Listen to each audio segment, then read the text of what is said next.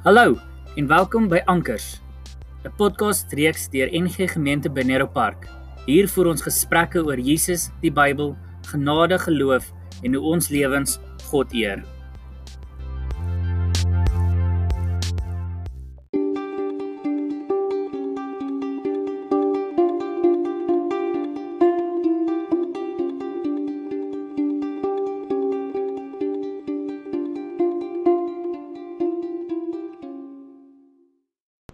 Goeiemôre.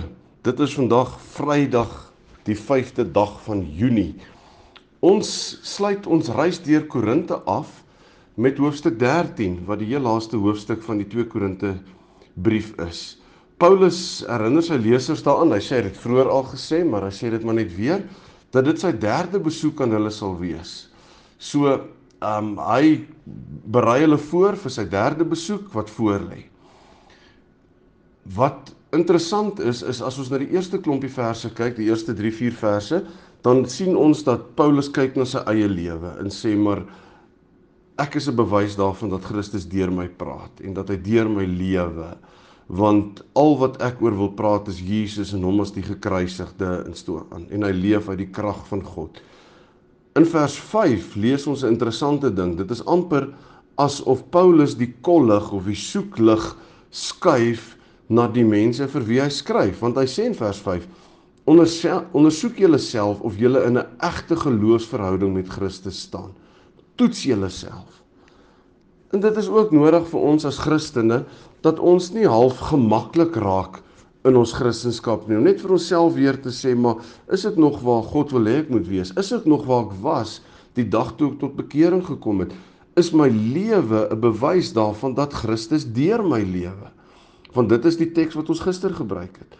Om te sê my lewe moet 'n bewys wees daarvan dat Christus in my lewe is en deur my lewe. Vers 5 gaan aan en sê as julle nie daarvan oortuig is dat Christus in julle woon nie, het julle die toets nie geslaag nie. Met ander woorde, hy sê as jy twyfel, dan moet jy weet jy het nie die toets geslaag nie. Ek het uit een van my Bybelstudiegroepe die Woensdagoggend ene by dokter Dion Stein geleer en die ouer mense dit daar bevestig, 'n ding wat ek net nooit geweet het nie, is dat hulle het groot geword om te sê dit is verwaand as jy sê jy gaan hemel toe.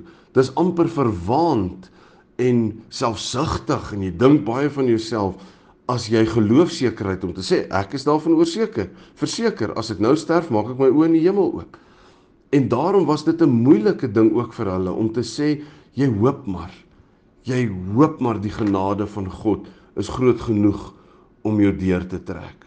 Ek wil viroggend net een of twee dinge oor geloofsekerheid hê. Sê Natuurlik moet 'n mens geloofsekerheid hê. Hier onderstreep Paulus dit weer om te sê ondersoek jouself en as jy oortuig is daarvan ehm um, dat of as jy nie daarvan oortuig is nie en jy bietjie twyfel, het jy nie die toets geslaag nie. Maar dit beteken ook dat jy kan weet Jy kan weet ek het 'n verhouding met Jesus Christus.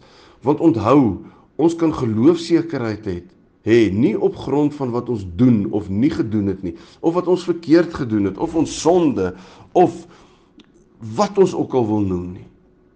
Ons word gered op grond van bekering deur die genade van Jesus Christus. Dis die enigste maatstaf. Dit gaan nie oor 'n klomp goed wat ons moes doen nie.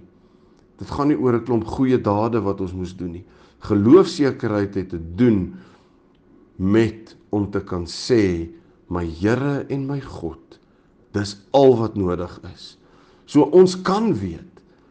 Maar dis ook belangrik dat ons onsself sal on, sal ondersoek en te sê maar is ek nog daar? Vers vers 6 skryf Paulus en hy sê ek hoop julle besef dat ons wel die toets geslaag het. So hy sê Ons, namens wie ek nou skryf, ons ouens wat julle gaan besoek, ons het die toets geslaag, ons weet dit.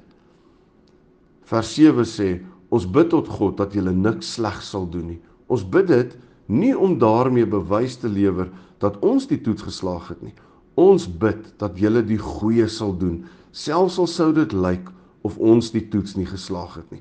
Met ander woorde, hy sê, maar dit gaan nie oor my nie, moenie na my kyk nie. Moenie sê, "Ag, oh, Paulus het nie eers die toets geslaag nie." Hy sê, "Nee, moenie laat dit jou van stryd bring nie." Hy sê, "Ons bid dat jy die goeie sal doen, selfs al sou dit lyk of ons die toets nie geslaag het nie. So, daarmee wil ek sê, moenie na ons kyk nie. Moenie na my as Dion of 'n dominee of so kyk nie om te sê uiteindelik gaan dit oor jouself. Waar staan ek in my verhouding met God? En onthou, en ek wil daarmee begin saamvat om te sê natuurlik kan ons geloofsekerheid hê.